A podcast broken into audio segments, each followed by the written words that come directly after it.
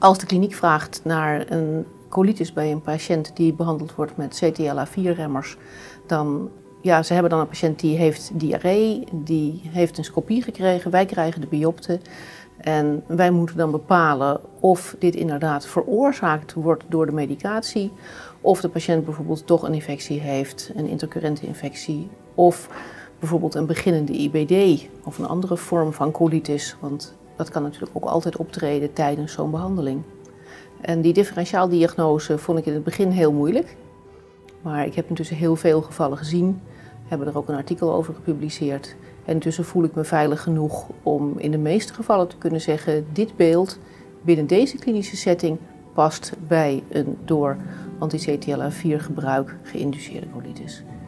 Het beeld dat we zien onder de microscoop eh, bij deze aandoening lijkt op een infectieuze colitis. Infectieuze colitis kennen we natuurlijk al heel lang. Daar is weliswaar uh, weinig, maar er is literatuur over. En wat je dan ziet is een acuut ontstekingsbeeld, een actief ontstekingsbeeld, waarbij neutrofiele granulocyten en eudeem op de voorgrond staan. En wat je dan bijvoorbeeld niet ziet zijn cryptonregelmatigheden, want dat is een teken van langdurige ontsteking. Dus dat zien we vooral bij uh, colitis ulcerosa en bij morbus Crohn. Deze patiënten hebben een beeld dat lijkt op infectieuze colitis. Maar het is minder edemateus en er zijn bijvoorbeeld cryptabscessen bij aanwezig, wat je bij een normale infectieuze colitis eigenlijk nooit aantreft. Het beeld is bovendien heel variabel. Het kan zowel binnen de darm als tussen de verschillende patiënten heel erg wisselen in intensiteit uh, van de ontsteking.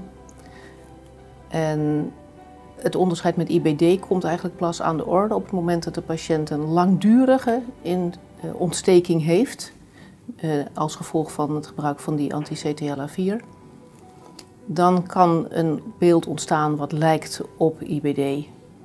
IBD is een chronische ontsteking van het slijmvlies. Als je slijmvlies chronisch ontstoken is, krijg je dus een beeld wat lijkt op IBD. Dat is op zich logisch. Een enkele patiënt kan de colitis goed verdragen en is bereid om die colitis ja, te hebben omdat hij zo graag door wil gaan met de behandeling vanwege het antitumoreffect. En bij een van die patiënten hebben we gezien dat het beeld na een aantal maanden inderdaad steeds meer ging lijken op IBD. Wat met name heel specifiek is, is de aanwezigheid van neutrofiele granulocyten, maar dan in het oppervlakte-epitheel en in het cryptepitheel en tot op zekere hoogte, dus relatief gering, ook in de vorm van cryptabscessen. Terwijl je bij IBD, wat over het algemeen toch een langduriger beeld is, veel meer bijmenging ziet van plasmacellen. Wat je bij IBD ook ziet is dat de crypten kort zijn, de hooggelegen crypten. En dat je bazaal in, het, eh, in de mucosa eh, plasmacellen ziet. En eh, bij dit beeld heb ik dat niet gezien, behalve bij die ene patiënt die dus heel langdurig deze colitis had.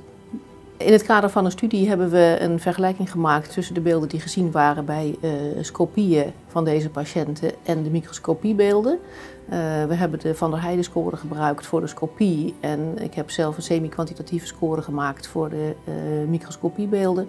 En daar bleek geen relatie tussen te zijn. En van de kliniek begrijp ik dat er ook weinig relatie is tussen de ernst van de diarree, de ernst van de colitis de ernst van het endoscopische beeld. En er is dus ook geen relatie met de ernst van de microscopische beelden. Wat dat betreft is het wel een hele lastige aandoening.